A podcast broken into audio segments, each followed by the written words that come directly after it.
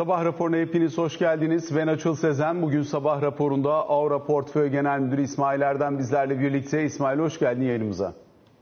Hoş bulduk. Günaydın Açıl. Şimdi özellikle yurt dışında olup bitenlerle bir hızlıca başlayalım istersen. Çünkü dün akşam FED tutanaklarını gördük ve son toplantıda aslında FED'in kendi ekibinin hazırlamış olduğu sunumlarda yumuşak bir resesyon tehdidinden bahsedildiğini, bunun bazı başkanları karar verirken acaba faiz artırmasak mı diye düşündürdüğünü, ancak yüksek enflasyon nedeniyle faiz artırım kararının çıktığını anlıyoruz. Diğer taraftan yine özellikle bu finansal kriz ve koşullarda bankacılık sektöründe e, yaşanan gelişmelerin de FED toplantısında ele alındığına dair sinyalleri bir kez daha görüyoruz. Buna rağmen faiz artmış durumda. Dolayısıyla şu anda piyasa bir faiz artırımı beklentisini daha fiyatlara yansıtıyor. Fakat yıl sonuna doğru da iki faiz indirimi fiyatlıyor. Gerek getiri eğrisinin duruşu gerekse tarih boyunca getiri eğrisinin buralara geldiği dönemde olup bitenler 3 aşağı 5 yukarı benzer şeyler söylüyor. Şu anda Amerikan ekonomisinde koşullar ciddi anlamda sıkılaşıyor. Hatta Fed'in eski başkan yardımcısı Lyle Brainard'ın söylediği gibi bankalar kredi vermekten de biraz imtina eder hale gelmiş görünüyorlar son yaşanan krizin ardından bankacılık sektöründe. Dolayısıyla Amerikan ekonomisinde soğuma devam ediyor. Dün gelen enflasyon verisi Amerika'da yine soğumanın benzer şekilde biraz daha devam edebileceğine dair de biraz daha kuvvetlenebileceğine dair de sinyaller üretiyor ama dördün altında bir enflasyon beklentisi hala çok fazla yok Amerika için. Şu anda 5'e kadar gelmiş durumdalar. Bu ortamda özellikle Amerika'nın resesyonuna dair beklentiyi bono piyasası farklı, hisse senedi piyasası farklı e, yaşıyor ve değerlendirmeye çalışıyordu. Şimdi bundan sonrasında ne olabilir? Hem FED tutanaklarını gördükten hem de dün enflasyon rakamını aldıktan sonra. Yani şunu görüyoruz, e, faiz öyle veya böyle faiz artırımı döngüsünün e, sonuna geliyoruz hatta geldik gibi.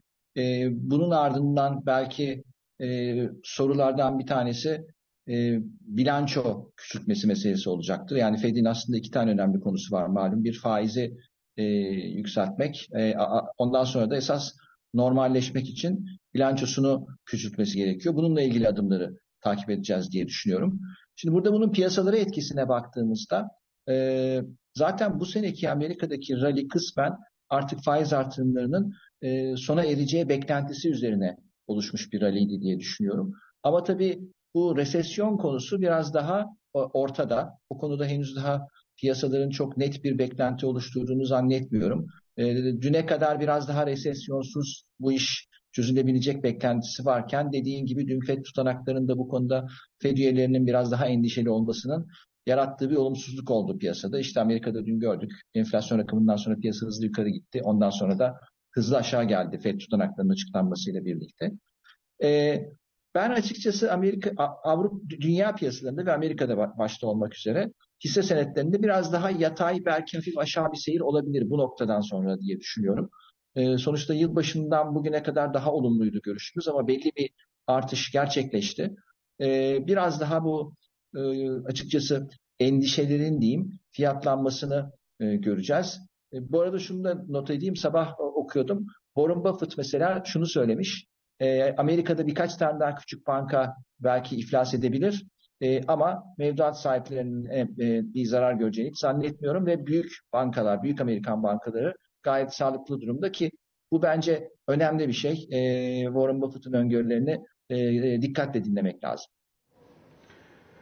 Özellikle bu ortamda elbette Doların gücü çok belirleyici unsurlardan bir tanesi. Dolar uzunca bir süre zayıflama trendine girdi ve bu çerçevede baktığımız zaman dolar endeksi 101,5'lara kadar geriledi. Euro dolar şu an itibariyle neredeyse 1.10 sınırına yaklaşıyor 1.0986'larda. Dolayısıyla bundan sonrası için e, hani doların bundan sonraki performansı ve zayıflığı mı yoksa euronun gücüyle mi belli bir noktaya gidecek burası ne dersin? Ee, ben uzun süredir doların çok kuvvetli olmasının Amerika'nın istemediği bir şey hatta Amerika'ya zarar veren bir şey olduğunu savunuyordum. Aynı bu görüşümü koruyorum. Dolayısıyla doların zayıflamış olması bir miktar bence Amerikan ekonomisi için iyi. Sonuçta Amerikan şirketleri e, önemli bir kısmı gelirlerini yurt dışından elde ediyor ve bu oran e, yıllar içerisinde arttı da. Özellikle teknoloji şirketlerini de dikkate aldığımızda. Ve doların zayıflaması demek e, Amerikan şirketlerinin e, yabancı gelirlerinin dolar bazında daha fazla para etmesi anlamına geliyor. E, bu da olumlu. E, bu açıdan ben Amerika'nın pek bir açıkçası e, şikayeti olduğunu zannetmiyorum. Yani siyasi politik söylemlerde para birimimiz kuvvetli olsun vesaire derler arada sırada ama bir miktar dolar zayıflığı bence Amerika'nın tercih ettiği bir şey. E, bu seviyeler bence e, yani euro dolarda 1.10 civarı bir süre korunabilir. Böyle çok sert bir hareket yukarıya veya aşağıya pek beklemiyorum. E, gerçi dolar euro paritesi dünyanın tahmin etmesi en zor olan paritesi. Bunu her seferinde altını çizmek istiyorum açıkçası. E, ya burada tabii petrolde büyük bir şey oynandığını düşünüyorum ben, oyun oynandığını. Burada petrol fiyatlarının yükselmesi, bunun Rusya'ya verdiği maddi destek, işte Amerika ile Orta Doğu ülkeleri başta Suudi Arabistan arasındaki ilişkiler e, çok karışık bir denklem ortaya çıkartıyor. E, bence petrolün yükselmesi Amerika'yı çok rahatsız eden bir şey. Amerikan seçmenini de rahatsız eden bir şey. E, petrolün aşağı gelmesi için Amerika bir takım e, siyasi e, ortaklıklar, görüşmeler, manevralar yapabilir diye düşünüyorum. Peki petrol tarafı ile ilgili olarak yaşanan gelişmelere de baktığımız zaman hakikaten fiyatlamanın ciddi anlamda yukarı kaydığını da izliyoruz, takip ediyoruz. Ee, dün itibariyle WTI Amerikan tipi ham petrole baktığımız zaman 2023 yılının en yüksek seviyesine kadar gelmiş durumda. Dün yine Uluslararası Enerji Ajansı Başkanı Fatih Birol'un açıklamaları oldu. O da özellikle arz talep dengesinde ciddi anlamda arz aleyhine gelişmeler söz konusu olduğunu söylüyor. Ee, yılın ikinci yarısında 85 dolarlar civarında olma ihtimalinden de bahsediyor. Ee, bu arada da özellikle yine bundan sonraki süreçte Suudi Arabistan'la Rusya arasında yapılmış olan anlaşmanın Amerika'nın petrol tarafındaki bakış açısını nasıl etkileyeceği konusunda tartışmalar var. Dolayısıyla petrol tarafındaki bu gelişmenin biraz bizim cephemize olan etkisini de sormak isterim sana. Tabii malum biz bütün e, hemen hemen bütün e, e, karbon yakıt ihtiyacımızı ithal ediyoruz. Yani petrol, doğalgaz vesaire. Ve petrol fiyatlarının yukarıya gidiyor olması Türkiye'nin cari açısından, cari açığı açısından e, olumsuz. E, gerçi bu bu sene içerisinde petrol fiyatlarının düşük gitmesinden dolayı fayda sağlamıştık ama şu son özellikle birkaç haftadaki hareket resmi bayağı değiştirdi. Yani %15-20'ye yakın bir değer artışı oldu petrol fiyatlarında. E, bu bu şekilde giderse tabii Türkiye için biraz e, zorlayıcı bir faktör. E, bakalım ne şekilde evrilecek. Burada tabii bu petrolün yukarı gitmesinde e, bence Suudi Arabistan'la Amerika arasındaki denge çok e, önemli. E, bir de burada petrol fiyat petrol piyasası çok e, arzla talebin birbirine yakın olduğu bir fiyat, piyasa. Yani burada petrolü büyük miktarlarda depolayamadığınız için ve depolama miktarıyla günlük tüketim arasındaki fark çok fazla olduğu için, çok küçük depolama kapasitesi olduğu için ufak bir talep artışı veya azalışı petrol fiyatlarında %5-10'luk hareketlere e, sebebiyet verebiliyor. Burada şunu demeye çalışıyorum. E, kısa bir, basit bir takım manevralarla bu fiyat geride çevrilebilir. E, bakalım ne şekilde olacak hep beraber göreceğiz. Türkiye'nin dış ticaret açığı üzerinden okuduğun zaman biraz önce söylediğin gibi enerji çok doğrudan belirleyici faktörlerden bir tanesi. Dış ticaret açığı, cari açık gittikçe yükselen bir performansla yoluna devam ediyor. Bunun yaratmış olduğu bir döviz baskısı da var elbette. Diğer taraftan da içeride de seçim yaklaşıyor. Dolayısıyla e, buralarda da bir miktar döviz talebinin arttığını anlıyoruz. Özellikle döviz tevdiat hesaplarında geldiğimiz seviyenin ne olduğunu bugün biraz daha net olarak göreceğiz ama öncü veriler üzerinden zaten Merkez Bankası bilançosu üzerinden de belli ölçüde okuyabiliyoruz. Kabaca 4 milyar dolar civarında bir döviz tevdiat hesaplarında artış söz konusu gibi görünüyor. Dolayısıyla hem bu e, dövize yönelim e, aşamasını ve iştahını nasıl görüyorsun? Hem de aynı zamanda bankalar arası piyasa ve kapalı çarşı arasında belki işte döviz büfeleri serbest piyasa arasında diyelim açılan bu makas ve marjı nasıl görüyor, nasıl değerlendiriyorsun? Döviz talebinde bir artış var. Onu e, gözlemliyoruz. E, güncel olarak müşterilerimiz, şirketlerle görüşmelerimizde de görüyoruz. Senin bahsettiğin gibi cari açığın çok hızlı artıyor olmasından dolayı doğal bir döviz talebi de oluşmakta.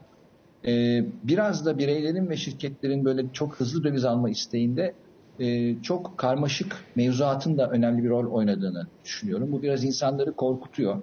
Böyle her hafta işte dövizi şu saatte alabilirsiniz, şu kadar miktar alabilirsiniz, önceden sipariş verirsiniz ve şu fiyatın altında alamazsınız. Bir sürü e, açıkçası takip etmekte bizim de zorlandığımız e, mevzuatlar e, silsilesi ortaya çıkmış vaziyette. Bu da tedirgin ediyor insanları. Daha serbest bir ortamda olsa bence e, dövize talep e, biraz daha az olurdu.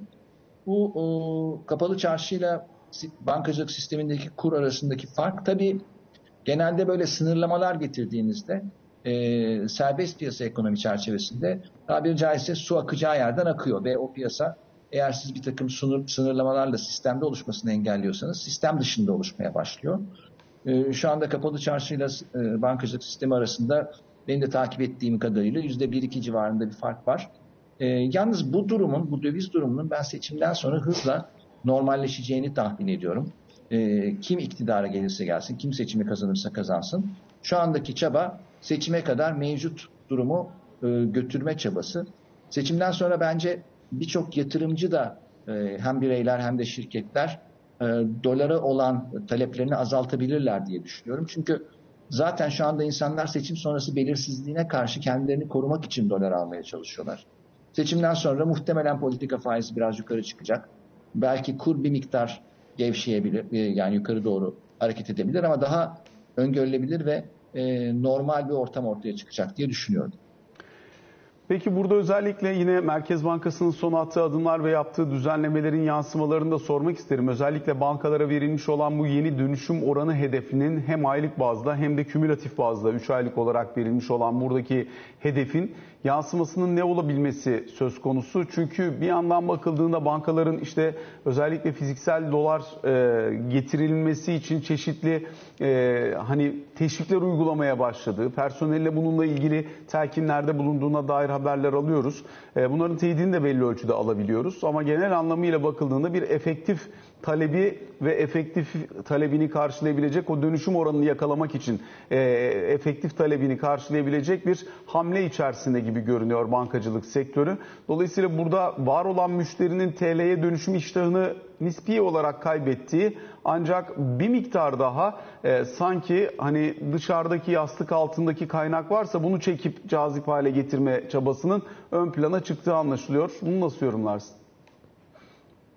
E, katılıyorum anlattığın senaryo. Yani böyle bir şey var, böyle bir e, motivasyon var bankacılık sektöründe. Bu da tabii e, fazla regülasyonla bankaların hareket alanının daraltılmasından kaynaklanıyor. E, örneğin kredi e, piyasası da çok durgun. Bankalar kredi veremiyor, vermekte zorlanıyor. İşte verirlerse bir takım rasyoları bozuluyor. E, kredi verseler, krediyi verdikleri faiz oranı ile mevduat maliyetlerini karşılaştırdığımızda neredeyse negatif bir e, faiz marjıyla faaliyet gösteriyor olmak zorunda kalıyorlar. Bu tıkanıklık e, seçime kadar da böyle devam edecek e, gibi gözüküyor. E, ondan sonra muhtemelen daha normal bir e, ortama geçeceğiz. E, bu döviz talebi tabii biraz şundan da kaynaklanıyor diye tahmin ediyorum. Bir, bir buçuk yıldan beri sistemden bayağı bir döviz çıktı. Sistemden çıktı derken bu yastık altına gitti, işte altına gitti, gene altın olarak sistemden çıktı kısmen yurt dışına çıktı. Bankalarda bunu bildikleri için e, dövize ihtiyaçları olduğunda e, nakit döviz toplamak için farklı metotları deniyorlar. Çünkü dışarıda bankacılık sistemi dışında döviz olduğunu e, bankalar bizlerden daha iyi biliyor. Kurdaki yukarı yönlü hareket bugün bizi 19.32'lere kadar getirmiş durumda. Dolayısıyla uzunca bir süre 18.80'ler civarında hattı müdafadan kısmi bir gevşemeyle seçime doğru gelen bu döviz talebini biraz da kuru salarak e, sanki e, taşıma isteği var gibi duruyor. Bu bu şekilde devam edebilecek bir yaklaşım mıdır yoksa bir noktadan sonra seçime kadar tanınmış bir müsamaha seçim sonrasında yine aynı politikanın eğer iktidar değişmezse devamı şeklinde mi beklersin? Yani görünen o ki seçime kadar kur, dolar TL kuru işte 20 liranın altında bir yerlerde tutulacak gibi gözüküyor. Ee, seçimden sonra ne olacağı tabii ki kimin iktidar olacağına da bağlı ama kim olursa olsun muhtemelen politika faizleri biraz yukarı çıkacak.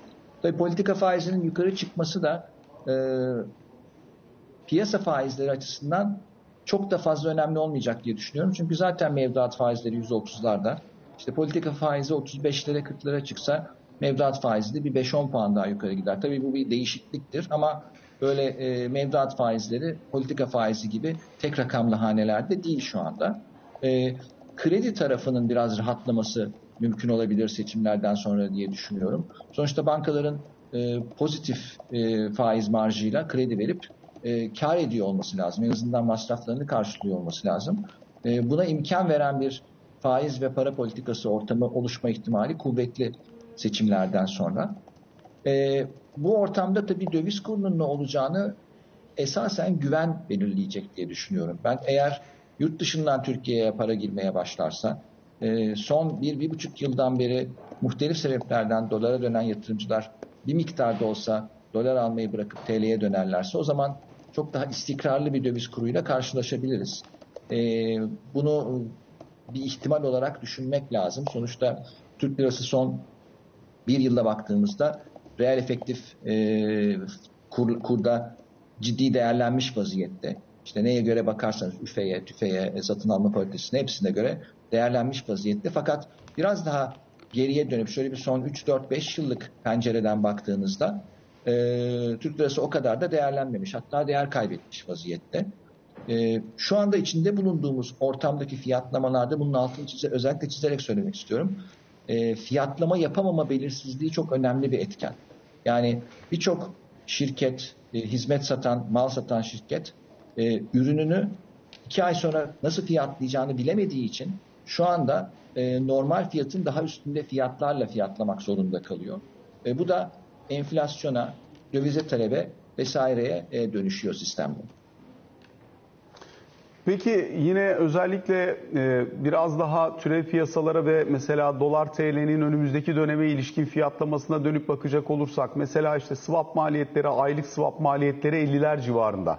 Dolayısıyla hani bu dikkate değer. Öbür taraftan yine baktığımız zaman e, hem opsiyon oynaklıkları açısından hem de vadeli kontratlar açısından değerlendirdiğimizde e, tablo hedging'i çok zorlaştıran ya da hani bundan sonraki süreçte kurda Mayıs-Haziran dönemi için bir yükseliş olabilir ama daha sonrası için nispi iyileşme gösteren fiyatlamaları ön plana çıkartıyor. Dolayısıyla türev taraftaki bu fiyatlamayı nasıl görüyorsun? Türev piyasasındaki e, swaplar da swap eğrisi de veya ileriye dönük getiri eğrisi de aslında bir bakıma e, bu konuştuğumuz belirsizlikleri yansıtıyor. Yani seçime kadar olan süreçteki e, faizler, e, ima edilen faizler, swapların içerisinde e, yansıtılan faizler yüksek. Ondan sonra yıl sonuna doğru bir miktar daha normalleşiyor gibi. E, yani bu biraz normal. Sonuçta beklenen de bu şekilde olması gerekiyordu. Şu anda sene sonu e, dolar TL kurdu. O da çok değişiyor bu arada. Seni yani Aralık vadeli kontratlara baktığımızda işte kısa bir süre önce 23-24 falandı. Şu anda yanlış hatırlamıyorsam 25-26'lar mertebesinde. Orada da önemli bir oynaklık var. Fakat her şeye rağmen swap piyasası aslında ve vadeli dolar piyasası öyle bir e, şu anda bir felaket senaryosunda fiyatlamıyor. İşte 24, 25, 26 döviz kuru zaten enflasyonun %40-50 olduğu bir yerde e, şu andan sene sonuna kadar düşündüğümüzde yaklaşık yüzde 25-30'luk bir TL'nin değer kaybı anlamına geliyor ki zaten enflasyon da o kadar aşağı yukarı. Dolayısıyla çok böyle bir korkunç bir kriz senaryosu fiyatlamıyor orası diye düşünüyorum. Ee, seçimden sonra eğer politika faizleri yukarı giderse ve daha uzun vadeli istikrar vadeden bir e, ekonomi programı ortaya çıkarsa e, uzun vadeli fiyatlamalarda ciddi aşağı gelişler olabilir diye düşünüyorum. Peki İsmail biraz da Borsa İstanbul tarafına dönüp e, bakalım istersen. 5000 puanın üzerinde bir kapanış, 5150 puana yakın bir kapanış gerçekleşti Borsa İstanbul'da. Dolayısıyla burası bir yandan halka arzlarla bir yandan da özellikle boşluk bulduğu anda yukarı yönlü gitme ivmesini e, biraz daha koruyan yapısıyla dikkat çekiyor. Önümüzdeki dönemde seçim sonrasına dönük bir fiyatlama öngörüsünde bulunmak isteyen yatırımcılar için ne söyleyebilirsin? Elinde hisse senedi ve pozisyonla seçime girme seçeneği mi yoksa biraz risklerden arınma seçeneği mi? E, çünkü aslında hani hisse senedi piyasası için seçim sonrasında dair senaryolarda eğer konvansiyonel politikaya geçilirse evet faizler yükselir ama yabancı girişi olabilir. Dolayısıyla böyle pozitif bir senaryo. Eğer iktidar değişmezse zaten para politikasında çok dramatik değişiklikler düşünülmüyor. Dolayısıyla yine mevcut e, konjonktürün devamı şeklinde bir senaryo gibi Farklı farklı bakış açıları var ama aynı yola çıkıyor gibi duruyor bunlar. Sen neredesin? Ee, yani seçim öncelikle öyle çok yüklü hisse senedinde girmeyi çok tavsiye etmem. Ee, ama belli bir miktar pozisyon taşıyarak girmeyi de tavsiye ederim. Bu kişiden kişiye, kurumdan kuruma değişir risk iştahlarına göre. Ee, sonuçta şirketlerin değerini yansıtıyor hisse senetleri ve bu değerler seçimden bir ay önce ve bir ay sonra çok dramatik olarak değişmeyecek. Yani güvendiğiniz, değerlemesinin uygun olduğunu düşündüğünüz hisselerden oluşan bir portföyünüz varsa zaten bunun tanımı itibariyle orta uzun vadeli bir portföy olması lazım. O dursun derim, taşımaya devam edin derim. Ama tabii ki bu arada ciddi bir oynaklık olma ihtimali var hisse senetleri piyasasında. Ee, burada seçimden sonra banka hisselerinin daha olumlu ol, olabileceğini düşünüyorum. Eğer bir ekonomi politikalarında normalleşme olursa. Çünkü şu anda bankaların karlılıkları oldukça e, negatife dönmüş vaziyette. Bu seneki e, spreadlerinden, e, kar, kar marjlarından bahsediyorum. Orada bir normalizasyon e, olumlu etki yapar banka hisse senetlerine. Bir de öyle veya böyle seçim bittiğinde bir belirsizlik ortadan kalkmış olacak. E, en azından bir işte belediye seçimlerine kadar diyelim bir, bir yıl bir e, önümüzde daha rahat hareket etme alanı olacak. Bu da hisse senetleri için olumlu olabilir. Bir de şunu söyleyeyim son olarak. Şimdi yılbaşından beri hisse senetleri yaklaşık %10 civarında ekside. E, şu anda aylık enflasyonun %3-4 olduğu bir ülkede yaşıyoruz biz. Dolayısıyla zaten her ay hisse senetleri %3 civarında yükselirse reel bazda aslında olduğu yerde sayıyor anlamına gelir. Bunu da dikkate aldığımızda enflasyon düzeltmesinden sonra yılbaşından beri hisse senetleri aslında bayağı değer kaybetti. Yani aylık %3 koysanız 3 aydan %9-10 eder. Yani aslında %20 civarında bir reel değer kaybı oldu hisse senetlerinde ki bu da e, aslında e, alım için fena bir nokta olmayabilir. Tabii e, önerimiz bu konularda bireysel yatırımcıların özellikle e, aracı kurumların, portföy şirketlerinin tavsiyelerini dinlemeleri, fonlarına yatırım yapmaları daha e, bireysel hisse spesifik risk almaktan e, mümkün olduğu kadar kaçınmaları doğrultusunda. İsmail Erdem çok teşekkür ediyoruz sana aktardığım bu yorumlar için. Kısa bir araya gideceğiz şimdi. Sonrasında Ali Can Türkoğlu ile birlikte karşınızda olacağız.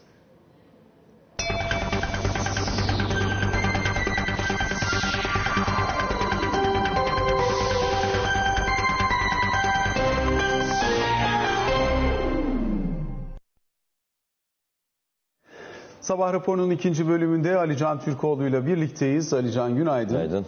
Seçim yaklaşıyor. Dolayısıyla karşılıklı taraflar arasında hem e, atışmalar, açıklamalar devam ediyor. Hem de aslında herkes kendini seçmene anlatmaya çalışıyor. Dün akşam Cumhurbaşkanı Erdoğan'ın açıklamaları vardı. E, verdiği bir mülakatın içerisinde. İstersen bir hızlıca onlarla başlayalım. Neler söyledi? Ee, tam olarak dediğin gibi hem Cumhurbaşkanı'nın dünkü yayınında hem Kemal Kılıçdaroğlu'nun dünkü açıklamalarında hem Sayın Akşener'in dünkü açıklamalarında e, iki tarafta da yani hem Cumhur İttifakı tarafında hem Millet İttifakı tarafında Cumhurbaşkanı adaylıklarında da meclis tarafında da seçimi kendi ittifaklarının ve adaylarının kazanacağı, e, ilk turda zorlanmadan bu seçimin kazanılacağı yönündeki söylem seçmene ve e, izleyicilere, dinleyicilere aktarılıyor liderler tarafından da. Dün de Cumhurbaşkanı da aslında e, işin zora e, sokulmadan bitirileceğini, ilk turda bu işin tamamlanacağı yönündeki fikrini bir kez daha e, söyledi dünkü yayında da. Cumhurbaşkanlığı hükümet sistemiyle ilgili olarak e, sistemin restore edilmeye açık olduğunu, dolayısıyla eksik görülen taraflarının e, restore edilmesi için çalışmalar yapılacağı da e, vurgulandı Cumhurbaşkanı'ndan yürütmüş oldukları politikanın ve sistemin getirilerinin 5 yılda kendini gösterdiği ve dolayısıyla işte varsa eksikler bunların giderilerek az önce söylediğim gibi restore edilerek yola devam edileceğini ifade ediyor. E, bir takım e, seçim öncesi duymaya çok alışık olduğumuz e, ekonomik anlamdaki vaat, vaatler var. Dün Cumhurbaşkanı'ndan da duyduk. Bir gün önce Sayın Kılıçdaroğlu'ndan da emekli maaşlarına ilişkin duymuştuk mesela işte e, evlilik kredisi olsun, devletin ödeyeceği sigorta primleri olsun. Ama son dönemdeki en hassas konulardan birisi imar affı konusu. İmar affı konusunun da e, bundan sonra bir daha uygulanmayacağını, affedilmez suçların içine gireceğini ifade ediyor dün Cumhurbaşkanı Erdoğan. yayında. Dolayısıyla bu kapsamda biz dün de söylediğim gibi seçim gününe kadar liderlerden, adaylardan bu yöndeki vaatleri oldukça sık duyacağız. Bir yandan da işte adaylık sürecinin bitmesiyle beraber yani en azından adaylık listelerinin aday listelerinin sunulmasıyla beraber partilerin kendi içlerinde yaşadıkları tartışmalarda devam ediyor. Ee, Özellikle e, sen geçen gün de konuştuk seninle biraz daha ayrıntılı. Cumhuriyet Halk Partisi'nin listeleri üzerinden yürüyen bir takım tartışmalar var. Bazı isimlerle ilgili. Yani işte eski Adalet Bakanı Sadullah Ergin mesela CHP 1. bölge, Ankara 1. bölge 4. sıra adayı. E, Onun adaylığıyla ilgili olarak e, bir tartışma var gibi gözüküyor ama dün Sayın Kılıçdaroğlu bu, bu konuda vermiş olduğu, yapmış olduğu açıklamada net bir şekilde şunu söylüyor. Yani bu seçim ilk kez 5 partinin tek bir partinin logosu altında girdiği bir seçim olacak diyor. Ve dolayısıyla e, kimin aday gösterildiği Cumhuriyet Halk Partisi listelerinden sıralarından olsa bile ha, ittifak içindeki hangi partinin kimi aday gösterdiği o partinin kendi iç işleridir. Dolayısıyla biz Cumhuriyet Halk Partisi olarak e, hangi siyasi partinin hangi kimi aday olarak isim olarak vereceği konusunda karışmayız, iç işlerine karışmayız. Aynı şekilde onlar da Cumhuriyet Halk Partisi'nin iç işlerine karışamaz diyerek Sadullah Ergin isminin Deva Partisi tarafından kendilerine verilen kontenjan çerçevesinde bildirildiğini, dolayısıyla bu kapsamda e, bu sistemin ki Oğuzkan Salıcı benzer bir açıklama yapmıştı. Bu sistemin farklı düşünceleri, farklı siyasi partileri bir araya gelmeye zorladığını ve bunun da bu partiler arasında soğukkanlı şekilde yürütüldüğü vurgulanıyor. Dolayısıyla evet bir süre daha belki devam edecektir. CHP'nin kendi içinde bu tartışma ancak Cumhuriyet Halk Partisi'nin de Millet İttifakı'nın diğer bileşenlerinin de beklentisi e, seçim zamanı daha da yaklaştıkça seçimin önemi daha çok seçmen nezdinde ortaya çıktıkça bu tartışmaların çok daha geri planda kalacağı yönünde. Dolayısıyla bu kapsamda aslında hem adaylığa yönelik tartışmalar ki işte resmi aday listesi yayınlanınca zaten tamamlanacak gibi gözüküyor 19 Nisan'da. Bu süre içerisinde bu bir hafta içerisinde belki devam edecek ama dediğim gibi kitlenilmesi, ana düşünülmesi gereken konunun seçim ve seçim sonuçları olduğu seçmene iyice iletildikten sonra bunların, bu konuların, adayların, isimlerin, sıraların, kontenjanların daha fazla tartışılmayacağı düşüncesinde siyasi partiler. Peki dış politika tarafında da aslında önemli gelişmeler var. Bunlardan bir tanesi özellikle Kremlin tarafından gelen açıklamalar. Son olarak Peşkov'un da açıklamaları olduğunu gördük Kremlin sözcüsü. Bu tahıl koridoru meselesiyle ilgili olarak e, hani bu sefer daha kısa süreli bir uzatım gerçekleşti. Ancak e, burada özellikle Rusya'dan çıkışların artık denetim olarak daha da ağırlaştırıldığını anlıyoruz. Dolayısıyla hatta Boğaz girişinde de ciddi bir birikme oldu. Geçici önlemler alındığını da duyuyoruz bununla ilgili olarak. Nedir orada son durum? Çünkü başta hani Rusya'ya yaptırımlardan dolayı Rusya'nın işi yokuşa sürmesi gibi görünen bir hani müzakere argümanı gibiydi. Şimdi biraz daha fiiliyata dönmüş duruyor. Doğru, net bir şekilde Rusya diyor ki anlaşmanın bir tarafı uygulanmıyor diyor. Yani bu iki ayakta, iki taraflı bir anlaşmaydı. Bir yandan Ukrayna tahılı, bir yandan Rus tahıl ürünleri ve Rus gübresinin limanlardan çıkışının sağlanması ve bunun pazarlara özellikle e, buna ulaşamayan daha görece daha fakir ülkelere iletilmesi konusunda yapılan bir anlaşmaydı. Ancak bu konuda Rus ürünlerinin, işte Rus tarım ürünlerinin, tahıl ürünlerinin ve gübresinin limanlardan çıkışına ve başka taraflara gönderilmesine izin verilmiyor diyor. Dolayısıyla bu kapsamda eğer bu anlaşma Kremlin'in açıklamasına göre bu anlaşma böyle tek ayaklı, tek taraflı olarak devam edecekse bunun uzatılmasının da herhangi bir anlamı yoktur ifadesini kullandı. Hatırlayalım geçtiğimiz dönem bu anlaşmanın uzatılması yani 120 gün 60 gün bu tartışmalar yapılırken Ankara'dan yapılan açıklamalar da aynı yöndeydi. Evet şu anda 60 gün uzatıldı gözüküyor. Rusya net olarak bunun açıklamasını yaptı. Bunun devamının olması için anlaşmanın altına imza atıldığı şekilde Rus ürünlerinin de aynı şekilde limanlardan çıkmasını ve pazarlara iletilmesinin sağlanması gerekiyor dedi Ankara ki bu konuda Birleşmiş Milletler nezdinde görüşmelerin devam ettiğini söyleyebilirim şu an itibariyle bile.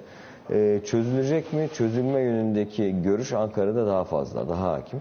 Bu konuda Birleşmiş Milletler'in de e, ilgili Avrupa ülkelerinin de e, tahılla ilgili sevkiyatın ilerleyen dönemde daha fazla sıkıntı yaşanması ihtimalinin önüne geçebilmek için buna izin vermeleri daha yüksek ihtimal olarak değerlendiriliyor Ankara'da ama önümüzdeki birkaç gün içerisinde göreceğiz bunu. Peki bir de şunu sorayım özellikle tabii Rusya ile ilişkili olan çeşitli şirketlere yaptırımlar çerçevesinde Amerika'nın yeni açıklaması oldu. Burada 4-5 tane Türk şirketinin de e, yaptırıma konu edildiğini anlıyoruz. Uluslararası basında Türk şirketlerine yaptırım uygulanmasına dönük açıklamalar falan da var ama yani hani e, işte müttefiki olması şirketlerin burada dokunulmazlığı olduğu anlamına gelmiyor ya da ülkelerin dokunulmazlığı olduğu anlamına gelmiyor falan gibi haberler de okuyoruz.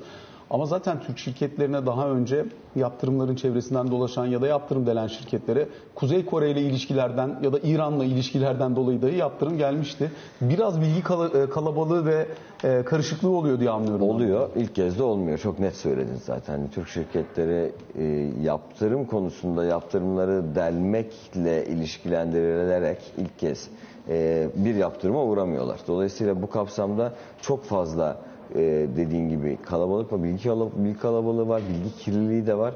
E, ilk kez olan bir olay da değil, daha sonra olmayacak bir karar da değil, alınmayacak bir karar da değil. Bu kapsamda belirli ölçülerde ve belirli zamanlarda bu kararların ön plana çıkartıldığını, yaptırım konusunda özellikle vurgulandığını görüyoruz. Dediğim gibi daha öncesinde hiç verilmeyen bir karar değildi. Dolayısıyla şaşkınlığa uğratacak, Aa, nasıl böyle bir karar verilir diyebileceğimiz bir nokta değil.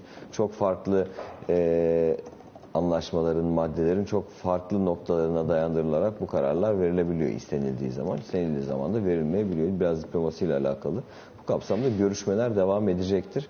Ancak hani bunun ana teması, ana konusu, ana başlangıç noktası Rusya'ya uygulanan yaptırımların delinmesi konusu olduğu için bir kere şu anda özellikle ben bir ay sonra bunun daha net olarak konuşulacağını düşünüyorum eğer çözülmezse bu tahılla ilgili krizin e, anlaşmanın altına imza atıldığı şekilde uygulanmadığı takdirde nelere yol açabileceği konusunda bir fikir var Avrupa'da da.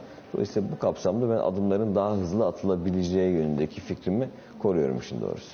Teşekkür ediyoruz Ali Can aktardığım notlar için ve sabah raporuna böylelikle son noktayı koymuş oluyoruz. Hoşçakalın.